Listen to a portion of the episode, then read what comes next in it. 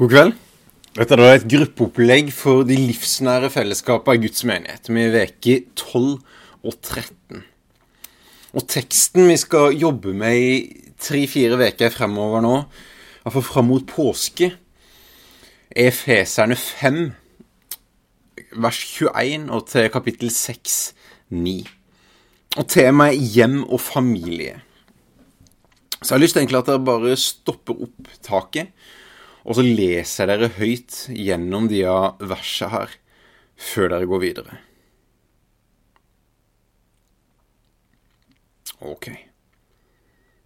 Det her er et minefelt som jeg skal prøve å lede oss litt igjennom. Og jeg, og jeg kommer nok til å provosere noen. Men bruk da den kanskje irritasjonen på å snakke om det, få gode diskusjoner. Diskuter med ordet, ikke bare med fornuften. Eh, ta det med i bønn. Og diskuter det med ektefellen hjemme, for det her tror jeg hva er viktige vers. Det her Det er gjerne at vi omslutter oss rundt av de første kapitlene i Efeserne og tar hvert ord og så diskuterer hva det her betyr for oss. Og så kommer vi til den andre deler av den samme boka, og så kanskje bare hopper vi litt over det, eller setter et kryss over det til og med. Og jeg tror vi må holde høyere opp enn det. For det her kommer rett etter da, at Paulus prater om å bli fylt av ånden. Og hvor han viser at å, dere må fylle dere med ordet. Dere må fylle dere med sang og musikk og salmer. For det vil hjelpe dere. Og det vil hjelpe Og dere må stå sammen på når dere må hjelpe hverandre til å leve det her nye mennesket. Og rett etter han har prata om det, så bare zoomer han inn på det hele Bibelen peker på som samfunnets viktigste byggestein, nemlig ekteskap og familie. For det, det er lett å ligne på Jesus på et møte, eller de timene du er i kirka på en søndag formiddag. Men ekteskapet og familien er som et drivhus. Det er gjennomsiktig. Og du får fram det beste i det, og du får fram det verste i det. Og Derfor er det kanskje den beste disippelhøringsarenaen som fins. For der får du faktisk mengdetrening i å søke visdom, på grunn av at du vet ikke alle svara. Du får mengdetrening å be om tilgivelse, for du kommer til å tråkke masse, masse, masse feil.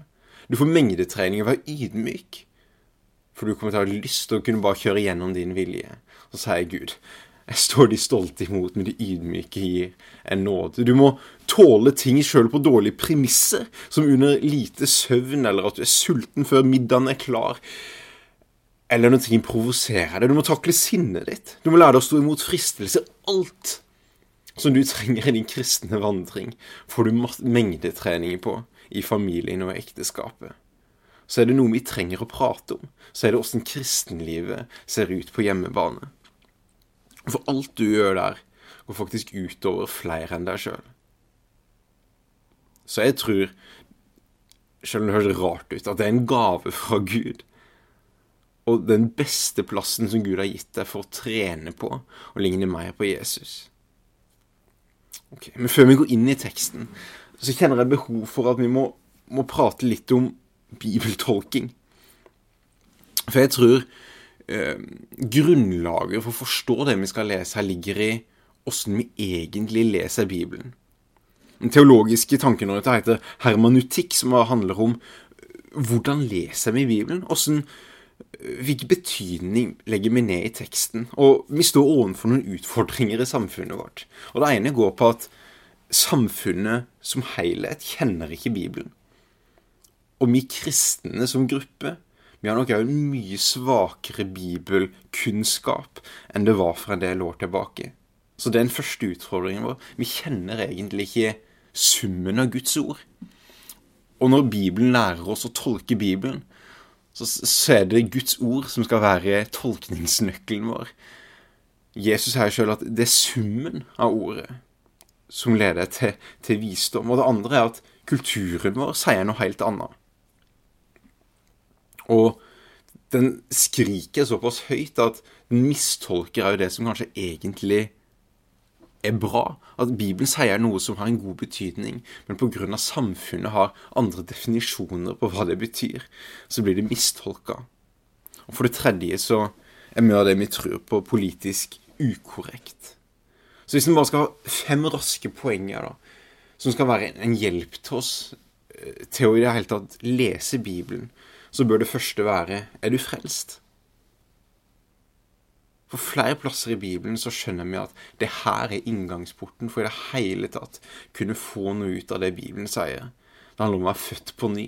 Uten å være født på ny av en hellig ånd på innsida av deg, så har du ingen ønske om helliggjørelse. Du har ingen ønske om å forstå. Og Guds ord blir ikke åpenbart. Det står at ordet slår i hæl, men ånden gjør levende. For det andre så trenger vi å gå inn i Guds ord med bønn. På grunn av det vil være viktigere det som skjer i hjertet ditt, enn det som skjer i hodet ditt. Det å lese Bibelen er ikke først og fremst for å få mer intellekt, men det er for at du skal få et større hjerte for Gud og for mennesket. For det tredje så tror jeg at vi må se at det er Gud som er Gud, og vi er mennesker. Så hva skjer da når vi leser noe som ikke gir mening? Jeg tror at vi må da komme til en rask konklusjon med at Guds uforstand er faktisk visere enn vår visdom, som det står i første Korinterbrev. Og jeg tror at Gud skriver det han mener, og mener det han skriver. Så når det er noen ting vi ikke forstår, så bør den første konklusjonen være Oi, da er det kanskje noe som Det er ikke nødvendigvis Gud som tar feil. Kanskje er det at jeg trenger mer forståelse av det han egentlig mener. Så jeg tror vi må ta alt seriøst vi kan ikke bare si at i kapittel 1 det tar vi til oss, det underviser vi som menighet. Men kapittel 5 ah, her er jeg litt usikker. Jeg tror vi kan lære noe av hvordan jødene tolka Bibelen. Fordi i den jødiske konteksten så hadde de ikke noe sans for abstrakte ord eller abstrakte tekster. Så hvis det var noe som var abstrakt i Bibelen, altså noe som ikke kunne være konkret med en gang, så måtte det alltid tolkes i lys av konkrete ting. Så da fant de andre steder i Bibelen som var en konkret tolkning av det. For teologi i jødisk forstand som ikke kunne leves ut, det var dårlig teologi. Så punkt nummer fire vi må huske at Bibelen er praktisk. Det må kunne leves ut personlig og i samfunnslivet rundt oss. Så ikke så vi kanskje tolka det feil. Og nummer fem, det er konteksten. Og de fleste begynner jo med det her som det første punktet når vi skal lese, når vi skal tolke Bibelen. Og på min liste så er det nederst. Ikke pga. det ikke er viktig, men jeg tror ofte så putter vi mer i det enn det vi kanskje trenger å gjøre. Eksempel Efeserne her. Det var et brev som var skrevet til ikke bare én menighet, men mange menigheter rundt omkring i hele lille Asia. Så det var ikke en bok som skulle gå inn og gjøre noe konkret i den konteksten eller i den konteksten eller i den konteksten. Det var et brev som skulle bety noe for mange menigheter samtidig. Betyr at kontekst og litterær sjanger ikke er vesentlig. Og jeg tror det er supervesentlig å forstå hvilken kontekst det var i Efesus. Jeg tror òg vi må forstå at alle bøkene i Bibelen har en viss type litterær sjanger, og vi må lese den med det i, i tanke, som at når salmene sier at Gud tar oss under sine vinger som, som en ørn, betyr det at Gud har fjær? Nei, selvfølgelig. Det fins metaforer, det fins bilder. Og vi må ta konteksten seriøst. Men det betyr ikke nødvendigvis at vi bare kan sette strek over de tinga som ikke gir mening for oss akkurat nå. Vi må la kontekst gå litt dypere enn det. Ok. Så da har vi et, et grunnlag å lese ut fra. For det er en vanskelig tekst. Men jeg tror vi må holde oppe at det fortsatt er Guds ord. For det er en del strømninger i samfunnet vårt, og i teologien, og, og, og mange anerkjente menigheter og pastorer, der Guds ord ikke nødvendigvis blir anerkjent som at det er 100% Gud og 100% menneske, men at det bare rommer noen ting av Guds ord og at vi finner noe glimt av Guds ord i det. Og så er det fortsatt masse menneskelighet. At det nesten setter en sånn ok, 70% Gud og 30% menneske i det, i, det, i, den, i det kapittelet her. Men vi er nødt til å holde oppe det der paradokset om at det er 100% Gud og 100% menneske. Jesus var ikke litt menneske og litt Gud. Han var 100% Gud og 100% menneske. Ok, raskt gjennom teksten før det går for lang tid her.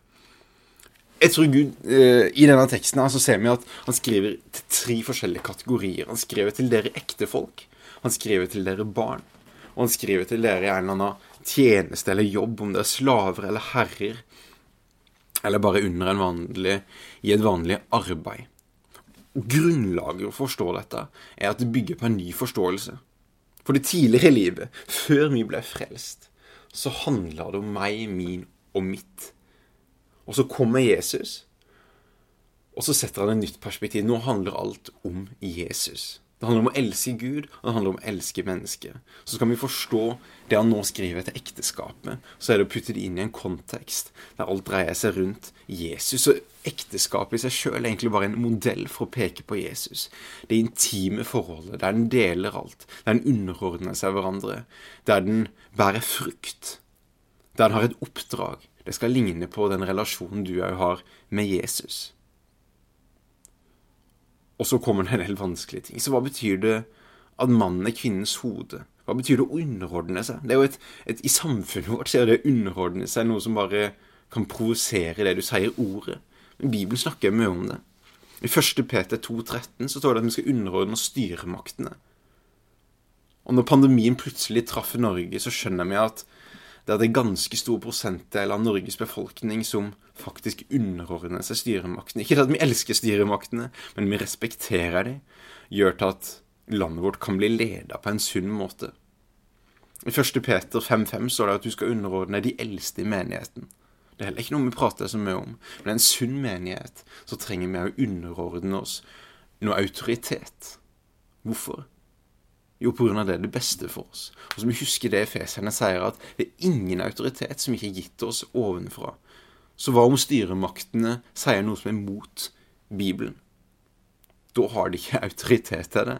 Eller hva om de eldste kommer til det og korrigerer på, en, på noe som ikke er bibelsk? Det har de ikke autoritet til. Men så lenge det er bibelsk, så er det en autoritet. Og det samme er det med i et, i et ekteskap. Er ikke gitt noen autoritet som er gitt av Kristus. Så når da mannen skal være hodet, så er det Jesus-versjonen av underordnelse. Hva vil det si? Jo, det er å legge ned sitt liv. Det er å tjene. Det er å vaske føttene. Og så kan man fort tenke ah, da er det mannen som skal ta de viktige avgjørelsene. Nei, det er jo ikke det. Da handler det om å lytte til hva, hva er det kona sier? Hva er det barna sier? Å finne ut av en forståelse og til syvende og sist så handler det kanskje om at da må du som mann legge ned dine rettigheter. Kanskje det du hadde mest lyst til sjøl. For at du legger ned ditt liv for å tjene andre. For å være, for å lede familien din på en sunnest og best mulig måte. Akkurat som Kristus la ned sitt liv for du, og ga du nåde. Er det et hierarki? Nei. Det er en familiedynamikk som handler om at vi peker, det er en modell som peker på Jesus. Du er en familie med et oppdrag. Og det bærer frukt. Det bringer fram barn. Og målet er at vi vokser i modenhet. Og så stopper Paulus opp. Dere barn. Og jeg tror når de her brevene ble sendt rundt, og det ble lest opp i familiene og de her ulike menighetene, så tror jeg barna plutselig våkna til.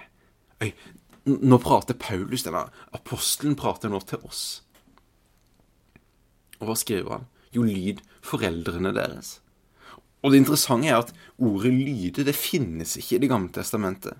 Det er over 613 bud om ting du skal gjøre og sånn, men ordet lyde finnes ikke. Så ordet som Paulus mest sannsynlig bruker her, er det hebraiske ordet hør. Hør Israel, som vi finner fra 5. Mosebok. Hør Israel, Herren din Gud er en, og Herren din Gud skal du tjene. For hvis du virkelig hører, da vil du òg lyde. Så dere barn, hør. Mellom barn og foreldre så fins det òg en sånn modell som skal vise oss Jesus-relasjonen vår. Akkurat som vi er barn, og Jesus er vår pappa, så skal vi få lov til å høre hans stemme. Og når vi elsker han, og, og hører det han sier, så har vi lyst til å lyde det. Og sånn bør det være ovenfor foreldre og barn òg. Så derfor sier han til foreldrene så, så ikke vekk sinne hos barna deres, men oppdra dem med kjærlighet og omsorg. For det her er en formingsplass. Her trenes opp barna til å respektere Gud. Og til å vokse i modenhet. Og så kommer det siste til slaver og til de som er under jobb, og, og til de som er herrer. Og Det var radikalt syn på det her med slaver, og det skal jeg ikke gå inn på nå. Men, men det er ikke sånn at Bibelen er for slavedrift. Men Bibelen er for at i alle situasjoner vi er i livet, så er det noe større enn akkurat den situasjonen du er i. Du kan få lov til å tjene Gud uansett rammene du er i. Så det her er jo en modell. For selv under dårlige forhold så kan vi ære Gud. Og om du er herre, så ikke utnytt situasjonen din. Om du står over noen på en arbeidsplass, pass på at ikke du utnytter noen. For dette skal jo være en sånn modell som skal vise oss relasjonen til Gud. For det er Gud og ikke mennesker dere tjener. Er Kristus herre i livet ditt, så har du fått en ny konge. Og frukten av det her er modenhet og karakter. Det er en vanskelig tekst. Prat gjerne om det dere står ut for dere. Husk å prate litt om ekteskap. Prate litt om barn- og foreldrerollen. Og prate litt om åssen dette ser ut i arbeidslivet vårt. Lykke til.